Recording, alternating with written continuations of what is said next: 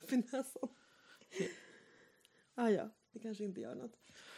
Nu har jag startat inspelningen. Okej, Så det som du säger nu will be held against you in the court of law. uppfattat. Eh, en tanke hade ju varit att jag hade skrivit ett intro här, men jag har inte orkat skriva ett intro här och jag vet inte riktigt 100% vad det är vi pratar om. Så antingen så är det det jag säger nu som är introt, eller så spelar vi in ett intro det sista vi gör när vi- avsnittet är klart. Okej. Men vi kikar på det. Men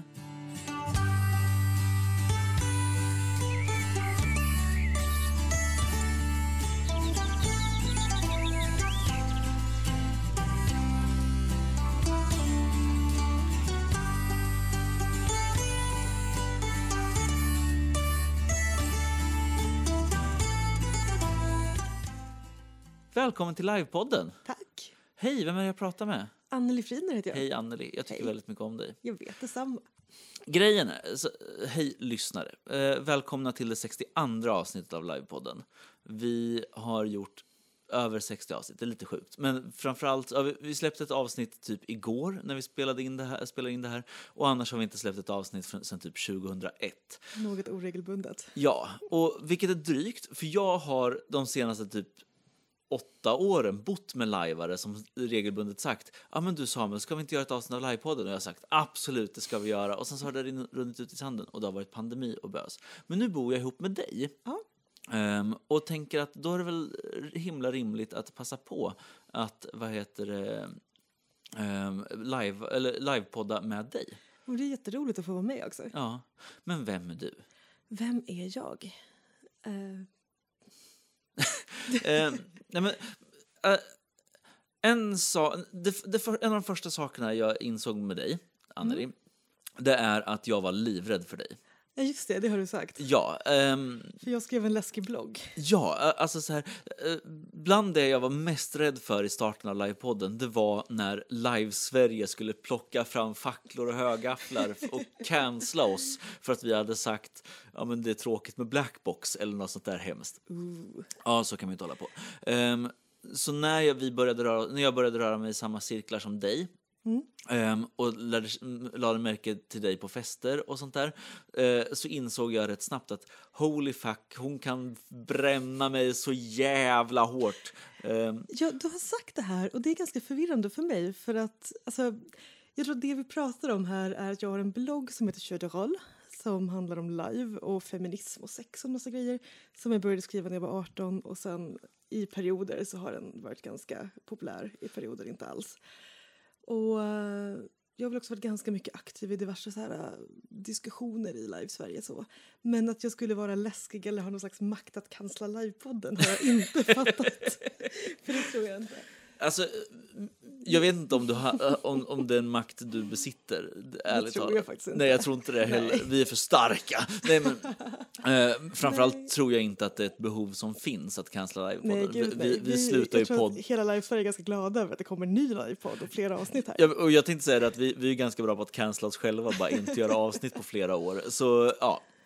Ehm, eh, Ja, nej men jag har väl varit ganska ofta aktiv i diverse så här live-teoretiska diskussioner. Jag, jag har lajvat, min livekarriär fyller 20 i år, jag får, den får gå på systemet själv, det är helt sjukt. Det är rätt sjukt. Så att 2004 var mitt första live, men eh, jag arrar ju inte live för att jag jobbar som lärare och har inte tid. Men jag tycker om att så här, teoretisera runt live och skriva artiklar och diskutera live-design och saker funkar. Så att det är väl lite det som är mina nördintressen. Ja, men det är väl bra. Vilket var ditt första live? Det hette 2004? Ettefejd. Det var i Jokkmokk och organiserades av Fafners följe. Oj, vad hände? Jag spelade lärling till Asaprästinnan och eh, det är lika dit sen tillsammans med min bror för att spionera åt alverna. Och, eh, det funkade bra tills vi hade, det hände lite människoblot och jag blev väldigt upprörd och sen var, var, var vi nog i öppet myteri istället för hemliga spioner och lyckades göra oss ovän med alla sidor på det här livet. Perfekt. Klassisk eh, liksom, tidigt 00-tals fantasy. Ja, är det en genre du håller på med fortfarande? Nej, det skulle jag inte säga. Eh, jag är allergisk mot skogsliv. Så, bokstavligt talat, skogen försöker döda mig. Jag är så kraftigt pollenallergisk att jag inte fixade att vara ute sommartid. Så eh, jag gillar live som är inomhus, gärna blackbox men också ganska liksom ganska korta live. Och så gillar jag att ha tillgång till en dusch och en säng. Ja. Rätt åt dig. Du förtjänar dusch. Alla förtjänar dusch. Dusch är det bästa som finns. Det är topp tre bästa platserna i världen. Det är en sak jag har lärt mig av Bo med Samuel här, att duscha är det bästa som Jag, finns. jag kan duscha tre, fyra gånger per dag. Jag Mm-hmm. skiter i miljön. I don't give, nej, men förlåt. Ehm, vad spännande. Eh, Vilket är ditt bästa live? Som du har, eh, eller eh, bara on the top of your head, stark liveupplevelse? Ja, men on the top of my head så är jag ju extremt klyschig och tycker att Just a little lovin' är det bästa livet. Ah, Eh. vad är det för live? Det är, vid det här laget är det väl ganska mycket av en live-klassiker. Det utspelar sig i New York under aidskrisen på, i början av 1980-talet. Mm. Och man spelar ett gäng homosexuella med vänner eller ett gäng hippies och canceröverlevare som bara råkar finnas på samma fest. Och så Okej. spelar man Fourth of July-parties. Ja, parties. Ja, det är fester. Det är tre stycken fester, åren efter varandra. Och det här är ett live som i teorin handlar om döden och aids och kris. Men när jag spelat har jag upptäckt att det handlar väldigt mycket om att deala med svåra saker och om communitybyggande och vänskap och kärlek. Så att på så sätt är det ett väldigt stärkande live, fast det har ganska tunga teman. Ja. Vad är det som gör Just a little lovin' så bra? Då? Nej, men nu ska vi se. Kombinationer av saker jag gillar hos live. Jag tycker om eh, dels det här att... Jag tycker om när innehållet är ganska utmanande eller lite existentiellt. För att för mig är live väldigt mycket det här att utforska situationer jag inte skulle vara i annars. Ja.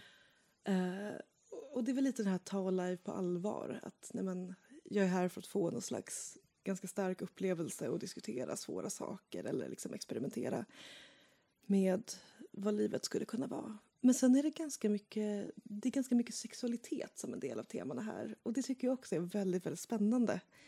För det blir liksom... Jag tror att ganska många av oss kanske vill experimentera mer och utforska mer än vad vi har möjlighet att göra annars. Och då är ju live med eh, erotiska teman ett- ett bra sätt att lite försiktigt doppa tårna i det. Så det gillar jag. Men sen är det också bara väldigt väldesignat. Alltså, varenda del av livet är genomtänkt och det, sånt gillar jag väldigt mycket. Hur märks det? Nej men, nej men jag tänker att ibland så kan man ju ha den här känslan på ett live av att det finns en bra idé här och den är halvt genomförd. Men jag fattar inte vad som är tänkt att jag ska göra här. För exempel jag har jättemycket dödtid eller det är stora hål i fiktionen eller hal- hälften av rollerna på det här livet har någonting intressant att göra men hälften av oss flyter liksom runt och kommer inte riktigt in. Okej. Känner du igen det här? Ja. Och jag tror att det jag gillar med... Det är det som gör att jag tycker att Just Let Lovin känns väldigt väldesignat är att jag vet hela tiden vad jag ska göra. Det finns väldigt tydligt, alla spelare har en funktion, alla roller har en funktion. ja. Och det är inte så att det är styrt hela tiden vad jag gör, Nej. men det finns en riktning i spelet. Och det tycker jag är väldigt skönt när det gör. Ja. Vad spännande. Är det ett live du skulle rekommendera? Det måste det väl vara om du... Ja, ja. ja. men gud, jag spelade två gånger och får väl se om det blir en tredje eller inte. Ja. Men jag rekommenderar det absolut. Jag är alltid ganska avig till att lajva samma live fler gånger. Alltså absolut om det är en kampanj och uppföljare och sådär, det har jag inget problem med. Men att så här, typ, s- berätt, l- gå igenom samma berättelse igen är ingenting jag riktigt jag känner ett behov av, typ. Nej, nej, men jag förstår det. Jag har inte liveat särskilt många live flera gånger. Jag har anmält mig på nytt till nej men, Stenrika live var det förra Just året. det. Det. var ett fantastiskt bra live. Mimmi Melkersson, nej förlåt, Mimmi Lundqvist heter hon och Julia Grip.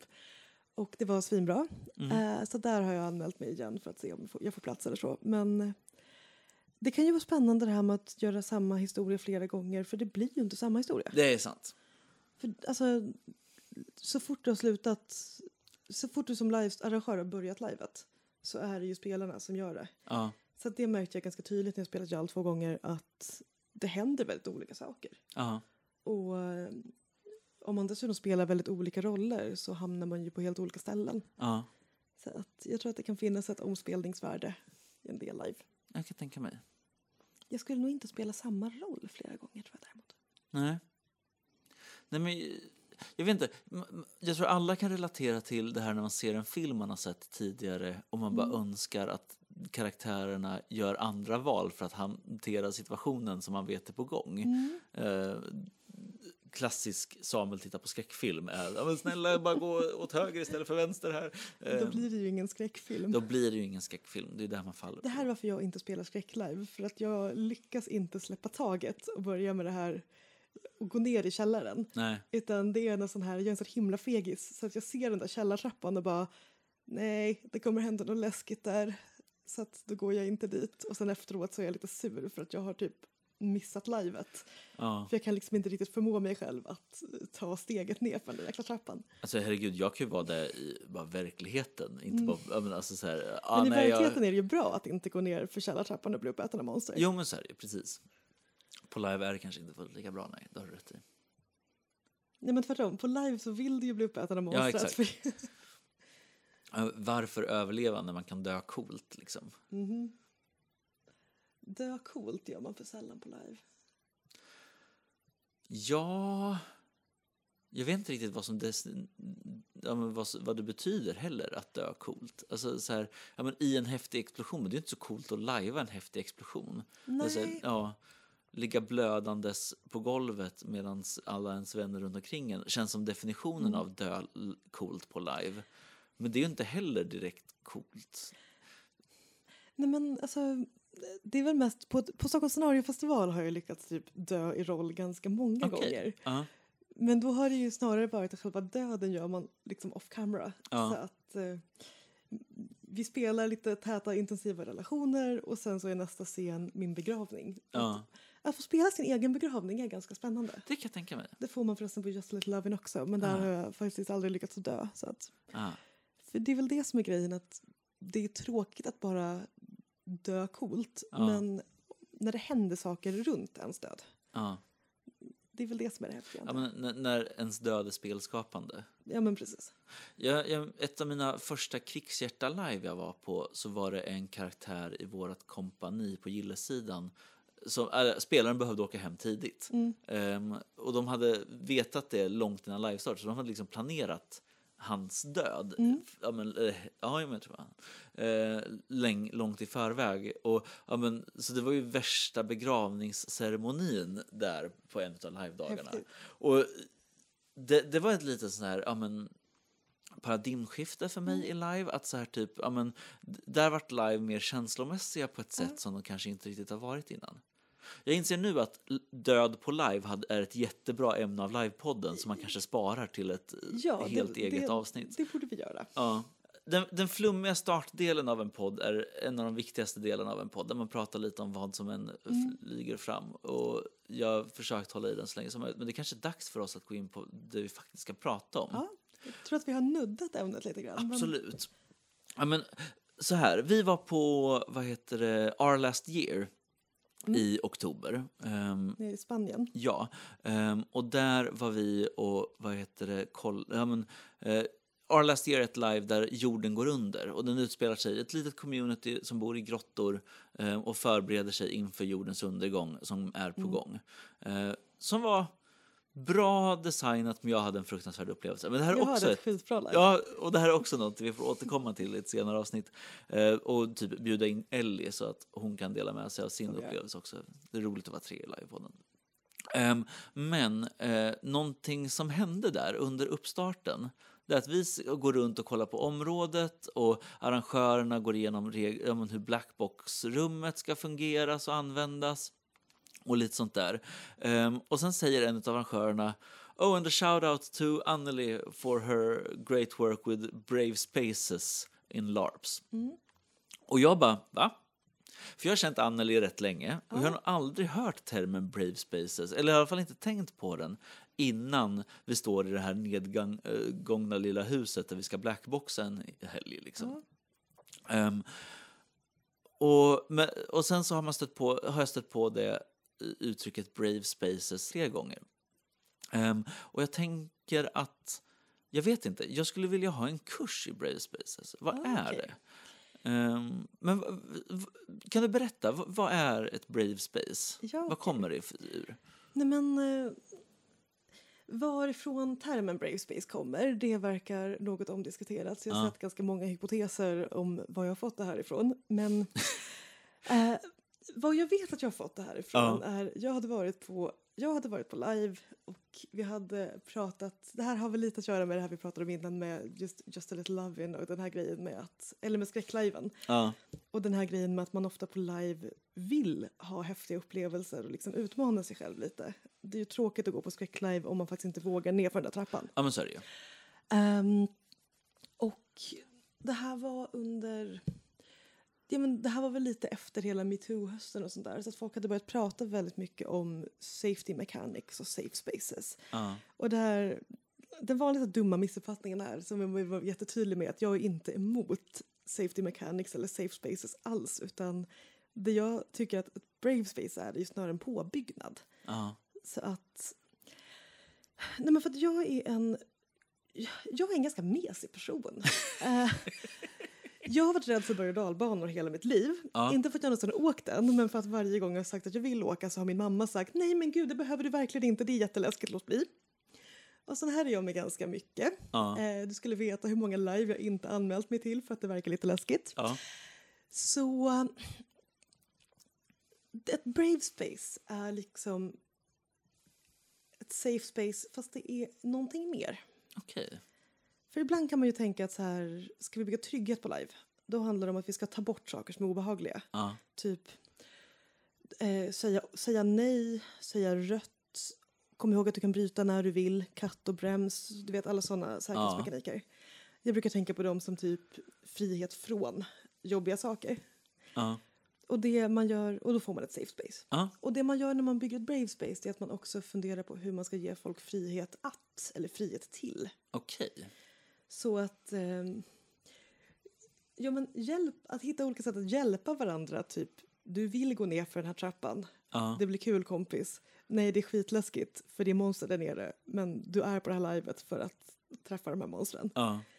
Eh, så att det handlar om att hitta liksom olika sorters alibi och olika sorters omtanke om varandra som gör att man vågar spela den här läskiga sexscenen eller gå ner i källaren eller bara jag vill spela en skitcool högstatusroll och off-game så känner jag mig inte alls skitcool och högstatus så att det här är jag rädd för.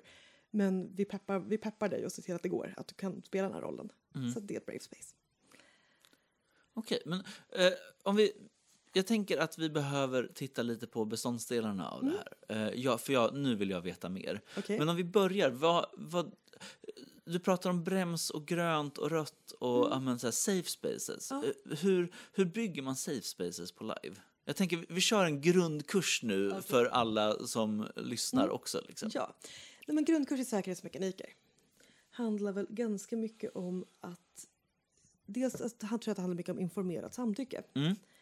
Så att överraska inte deltagare med obekväma saker Nej. och tvinga inte deltagare till obekväma saker. Nej. Så att grundkursen här, grundbeståndsdelarna, det är att ha en innehållsförteckning. Vad kommer livet handla om? Mm. Ehm, slänger du in jättestora spindlar utan förvarning så kommer ju live-deltagarna som har en spindelfobi inte att ha ett så himla bra live. Nej, så är det ju. Så att eh, ge folk information om vad kan du vänta dig på det här livet som skulle kunna vara triggande eller obehagligt. Ja, men på livet Spindlarnas dal så skriver man i innehållsförteckningen att det kan Det förekomma, kan förekomma spindlar. spindlar. Ja. Ja, men och sen att man också har ganska tydliga mekaniker som man också gärna workshoppar innan för om jag stöter på en spindel och känner jag vill verkligen inte vara med om det här Nej. så får jag bryta spelet, jag får gå därifrån. Men det kan finnas olika sorters mekaniker här. Det är där man har till exempel det här trafikljuset. Okej. Ehm, du undrar om du ska öppna lådan med spindlar. Då kan du innan du gör det så kan du fråga mig, är det grönt? Och säger jag, ja men det är grönt, så öppnar du lådan med spindlar. Ja. Så spelar jag rädd här. Ja. Men jag kan också ibland använda en gult som är, det här är bra men inte längre. Ja, vi- jag gillar lådan, men jag gillar du behöver lådan, inte öppna den. jag öppnar den inte. Nej. Ehm, men man kan också använda en rött. Ah, ta bort den där lådan. Ja. Vi bryter den här scenen nu. Ja. Eller vi gör något helt annat. ingen mer låda. Ingen mer låda, för den är det spindlar i och det är Ja. läskigt. Spooky. Nej, men så att, och tanken är väl att genom att ha sådana här mekanismer så att trafikljuset är en... Det finns något som heter OK check-in där man gör så här OK-tecknet. Den Ja. är liksom inte verbal. Eller bara de här uh, pst, off-game, ska vi kalibrera lite? Det de är till för är också att hela tiden ha koll på känner spelarna sig trygga? Gör, man, gör man saker man vill göra?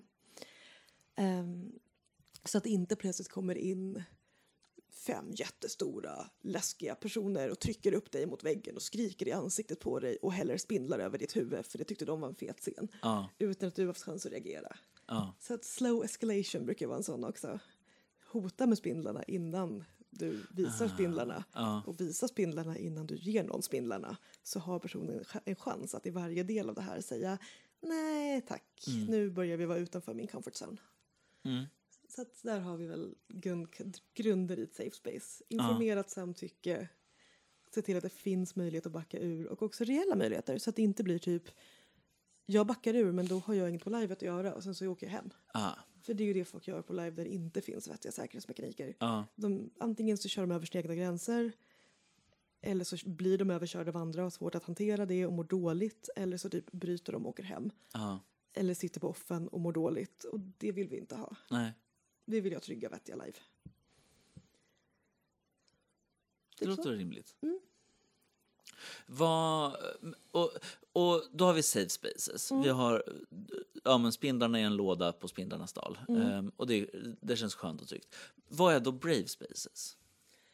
Ja, men jag tror att det viktiga i ett brave space, eller det viktiga här, vi kan ju säga att ett safe space är ofta en grundförutsättning för ett brave space. Ja, Att känner du att eh, jag känner mig inte trygg med de här deltagarna, de är oberäkneliga, det kan hända spindlar när som helst när jag minst anar det, ja, då kommer ganska många, jag kommer garanterat att då hålla tillbaka ganska mycket.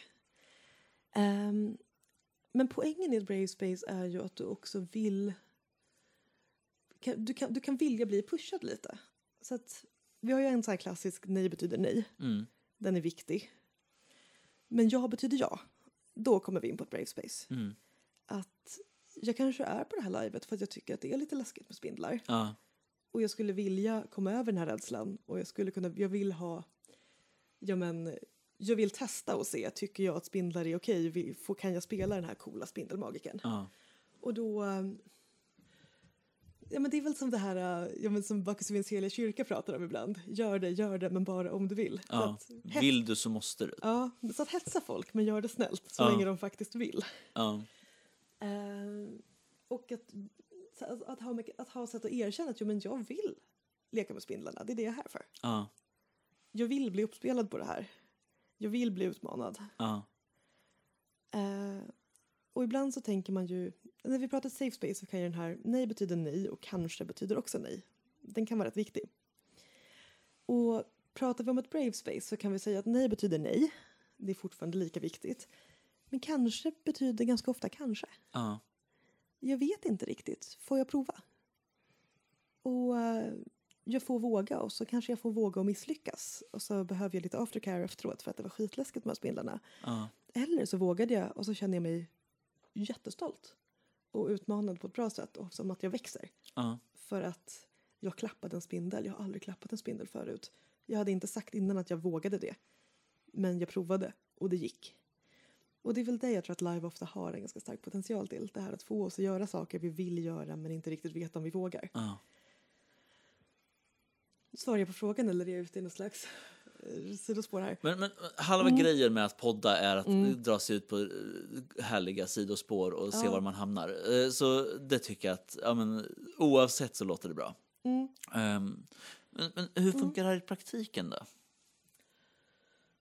Mm, ja, nej men... Nu ska vi se, hur fungerar det här i praktiken? Mm. Som i, hur gör man? Ja, Ja. Nej, men en sak som jag har sett flera prata om är ju att en av de viktigaste funktionerna med att ha sådana här safety mechanics egentligen snarast är att få folk att känna att vi bryr oss om varandra här. ja, Så att exakt vilket ord du säger och om hur du använder det här trafikljuset och sånt, Ja. det är lite strunt samma. Utan det Ja. viktiga är att få in folk i en vi bryr oss om varandra, vi bryr oss om varandra mår bra. ja, Och har man den känslan, så att vi har varandras rygg här, då vågar folk mer. Så att jag tror att... Jo, men en sak som jag sett många göra är att inte överbetona bara du får säga nej, du ska säga nej, du ska aldrig göra någon obekväm. mm, Utan självklart får du säga nej. Det kan bli obekvämt. Vi ska inte avsiktligt göra varandra obekväma men om det händer så hjälps vi åt att reparera det. ja, Eh, jag kan aldrig lova att jag aldrig kommer göra illa någon, för att då ljuger jag. Jag kan, ju- kommer kunna göra illa folk på ganska många sätt som inte är med flit. Ja. Men om jag lovar att när jag gör illa någon så uppmärksammar jag det och checkar in och kollar hur de mår och vad jag kan göra för att reparera det här. Ja. Det tror jag är ett bättre sätt, för då man vågar mer om man litar på att det är okej att göra misstag, men vi tar hand om och ser till att vi lagar dem. Så det tror jag är viktigt. En annan grej där, det handlar ju om att också försöka, vad heter det, empower på svenska? Nej, men, att också försöka känna att jag äger, jag äger min liveupplevelse och jag äger mina gränser och du äger din upplevelse och dina gränser. Ja. Så att... Eh, och där är ju både den här våga säga nej, jag vill inte göra det här. Jag tycker inte att spindlar är så kul. ja. Men också att om någon inte säger det, Utgå, inte utgå ifrån att de inte vill. Liksom. precis, utgå inte från att de inte vill utan utgå från att den här personen också själv kan avgöra vad den är bekväm med och inte. Ja. Så att är du, är du någorlunda tydlig med vart du är på väg och bjuder in och kör sådana slow escalation och den andra personen inte backar från dina spindlar, Mm. fortsätt. Se vart det leder. Se vart det leder. Ja. Det kan bli coolt. Ja. Nej, men, och jag tror att det är mycket den här att... Alltså det handlar om att på något sätt också... Jag tänker bara gånger man har fått en sån här fråga innan live. Vad har du för gränser? Ja. Jag har ju jättesvårt att veta innan live vad mina gränser är. Jag, tänker, jag vet inte om du känner igen det, att om du får så här frågan vilken sorts beröring är jag okej med? Ja. Det beror på situationen och på personen och vad som har hänt innan den här beröringen. Och är jag okej med att kyssa någon i roll eller inte? Det beror väl helt på vem och hur. Ja. Och är jag okej med att vara naken i roll eller inte? Det beror också på sammanhanget och det är inte alltid man vet det här innan. Nej. Och jag tror att en grej som var rätt vanlig när jag började lajva det var att man kör så här typ en runda innan och bara nu ska alla berätta sina gränser. Och om jag då inte vet, då är det ganska lätt att jag svarar någonting som är väldigt safe. Ja. Jag vill absolut inte vara naken, jag vill absolut inte kyssa någon och jag vill absolut inte se några spindlar. Nej. För då har jag garderat mig så att om någon kommer och är oförutsägbar och läskig och mm, naken och viftar med spindlar här Ja. men- ja. så har jag redan sagt att inte på mig. Men eh, då har jag också på något sätt gått miste om saker jag kanske skulle tycka var ganska roligt. Jag tror vi måste arrangera den här Spindlarnas dag, nu, för det låter väldigt spännande om hur, om, om hur personer dyker upp med spindlar. Jag vet inte varför och- vi började prata om spindlar. Jag tycker det är en jättebra liknelse. Alltså 100 procent. Alltså, j- jag tror att ja, men, det är att använda någonting som är lite läskigt men som, och som alla har en relation till. Mm. Eh, eh, att, att vara rädd för spindlar är ju ändå en sån här grundrädsla på något sätt. Ja. Eh, Ja, men, eh, ja, men jag vet inte, det är väl någonting i just den här att få känna efter under tiden ja, också. Eh, på Our Last Year till exempel så fanns det ett hammam. ja, eh, ett turkiskt bad där man spelade metascener. Och eh, det arrangören sa var det är valfritt att ha kläder på sig här inne. mm, Så eh, första dagen så tänkte jag okej, men jag vet inte riktigt vad jag, vad jag känner mig bekväm med så jag tar på mig min, min baddräkt och går ner dit. Och det var väl kanske 50 som hade badkläder på sig och 50 som inte hade det. mm, Det funkade bra, jag lajvade en massa roliga metascener och sen dagen efter så var min baddräkt fuktig och jag insåg att men jag har ju redan varit nere i hammammet här jag har ingenting emot att vara naken om andra är nakna. Det är Nej. inte ett problem. Det här känns som ett tryggt och rimligt sammanhang att vara i. Och det tror jag är ett bra exempel på just den här att om jag får känna efter, för det är valfritt, mm. så kan jag välja vad jag faktiskt är bekväm med. Men om jag, man innan har försökt sätta upp en regel som ska se till att alla är bekväma så blir det kanske en större grej med den där nakenheten än vad det faktiskt var. ja. Ehm, om det ger någon mening. Jo, men absolut. Ja, men, och att, ja, men, att, ja, men, att, att lite, ja, men, det är viktigt att opta in. Mm. Och, eller det, det är lika riktigt att opta in som det är att opta ur. Ja. På något sätt. Att, ja, eh, att, ja, förlåt, jag är virrig. Jo men absolut. Eh, och det där är väl också en grej att det är ganska många saker på live man vill opta in. Ja. Ja, men lite varför man lajvar är ju för att utsätta sig för situationer man inte stöter på i verkligheten. Mm. Ehm, och ja, men, ja, ja, men, det är därför man...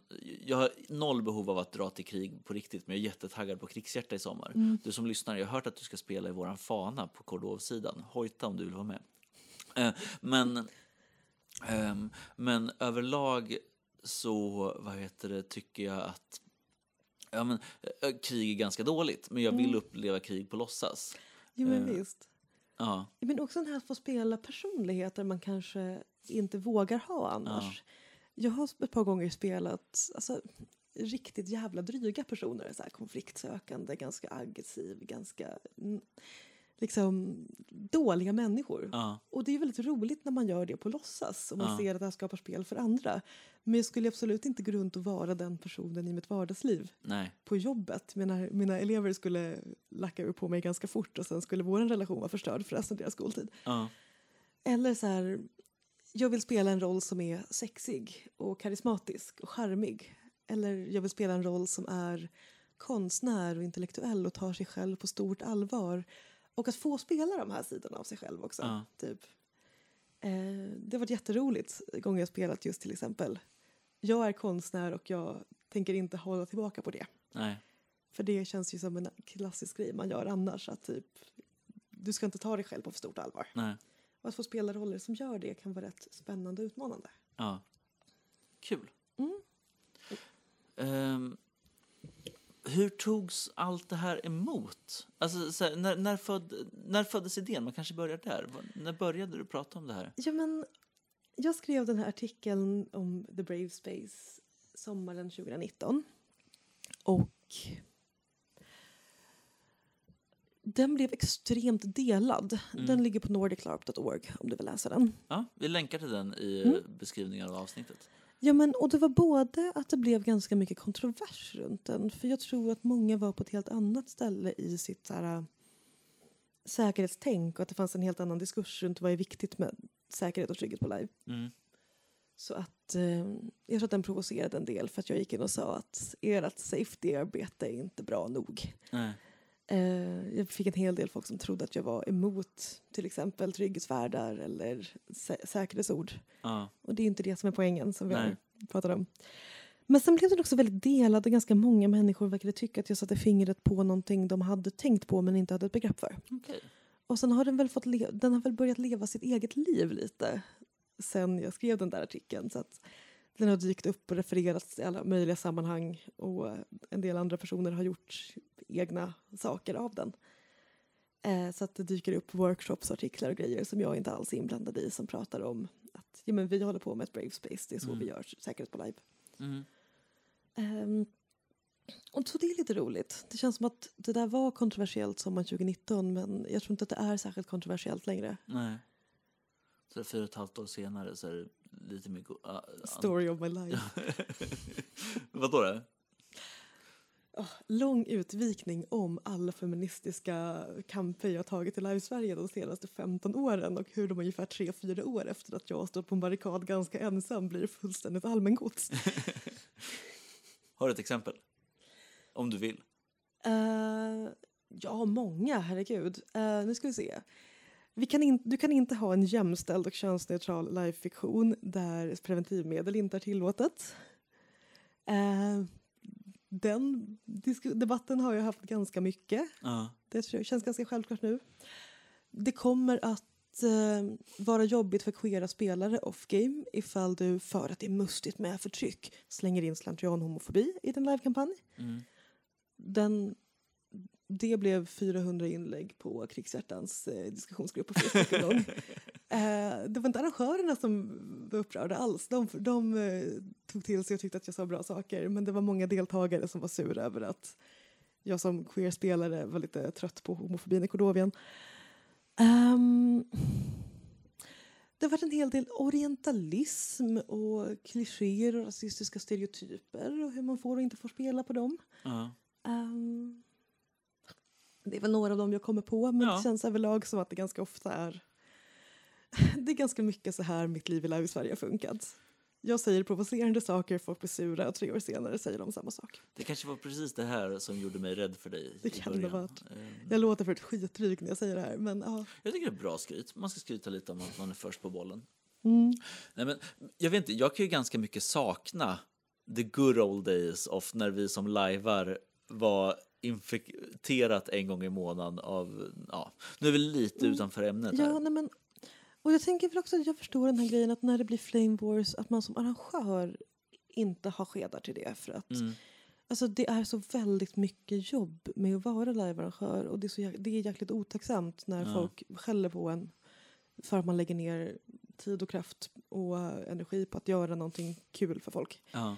Så eh, jag tänker att det här med att roasta arrangörer offentligt, d- det tycker jag är ganska bra att vi i stör- stor utsträckning har slutat med. ja, så är det ju. Eh, men den här grejen att ha de här liksom principiella diskussionerna runt till exempel trygghet eller Ja. jämlikhet, det tycker jag att jag saknar lite ibland att ha ett forum för dem. Ja.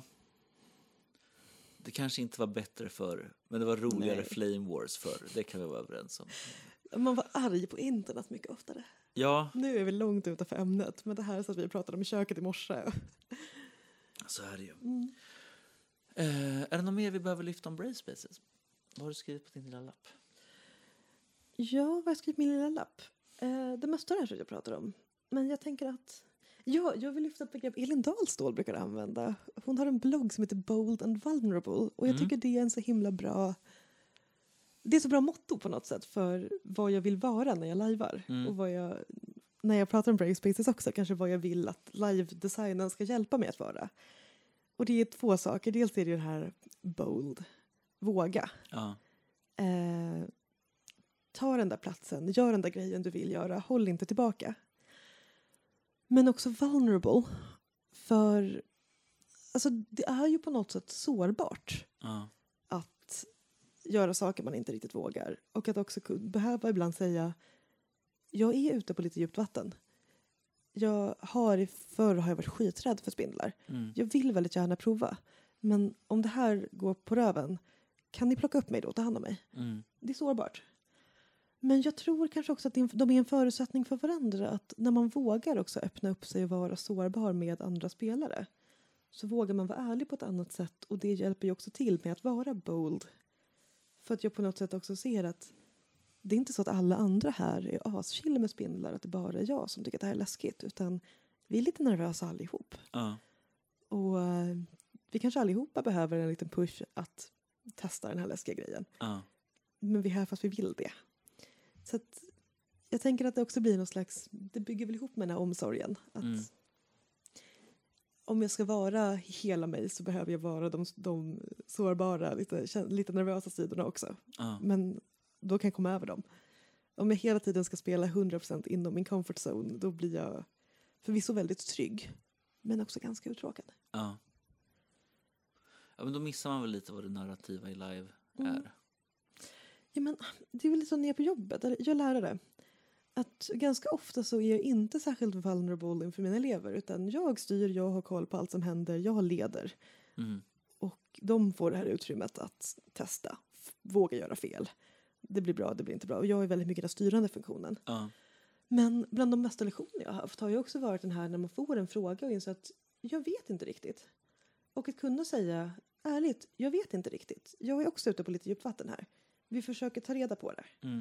Och jag tror att också kunna maska av där. Att så här, erkänna, det här är lite jobbigt för mig också. Det brukar bli ett bättre möte. Ja. Och då kan, man, då kan man ta reda på hur det är, eller vad det ska, då kan man ta reda på det tillsammans. ja. Så att våga tala om när man är lite ute på djupt vatten brukar man tjäna på. Jag, kan tänka, jag kan förstå det. Absolut. Nej, men jag vet inte. Har du fått eh, lära dig något om Brave Space här? då? Ja, men det tror jag. Ehm, och jag, jag vill ju att alla som lyssnar nu ska vara medvetna om att det här kommer på tentan. Jag hoppas ni har tagit anteckningar. att vi kommer gå i, ja. Nej, men... eh, Ja, det- ja men, nu fattar jag lite mer vad hela grejen går ut på. Det kan jag väl absolut säga. ja, men vad bra. Jag tycker det är intressant. Jag med.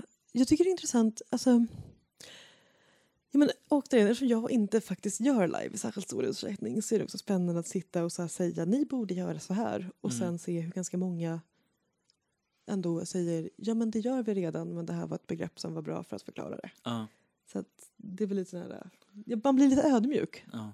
Man känner jag. uppfinner inte hjulet lika mycket som att man hittar på ordet hjul. Lite så. Ja, Och eh, jag är så himla tacksam över alla som ändå just gör live och utmanar och experimenterar och ser till att det finns grejer för folk som mig att åka på Ja, och skriva essäer på internet om efteråt. ja, såklart. Men jag tänker att vi avrundar här. Ja. Tack för att du ville komma till livepodden i, som är inspelad hemma hos oss visserligen, så du har inte behövt resa långt. Nej men tack för att jag fick vara med, det är Ja. jättespännande. Jag tänker att du kommer få vara med flera gånger. Jag hoppas det. Du har inte så mycket till val. Eh, tack för att du har lyssnat. Ehm, har ni ett, snälla, ge mig ämnen vi kan prata om. Eh, har du, bor du i Stockholm och vill podda, säg till. Bor du i någon annanstans och vill podda, vi löser det. Men jag vill göra podcasts mer, jag har saknat det här. Nu ska vi dra igång livepodden ordentligt. Det här har jag sagt förut, det har inte alltid gått bra. Men den här gången tänker jag försöka åtminstone.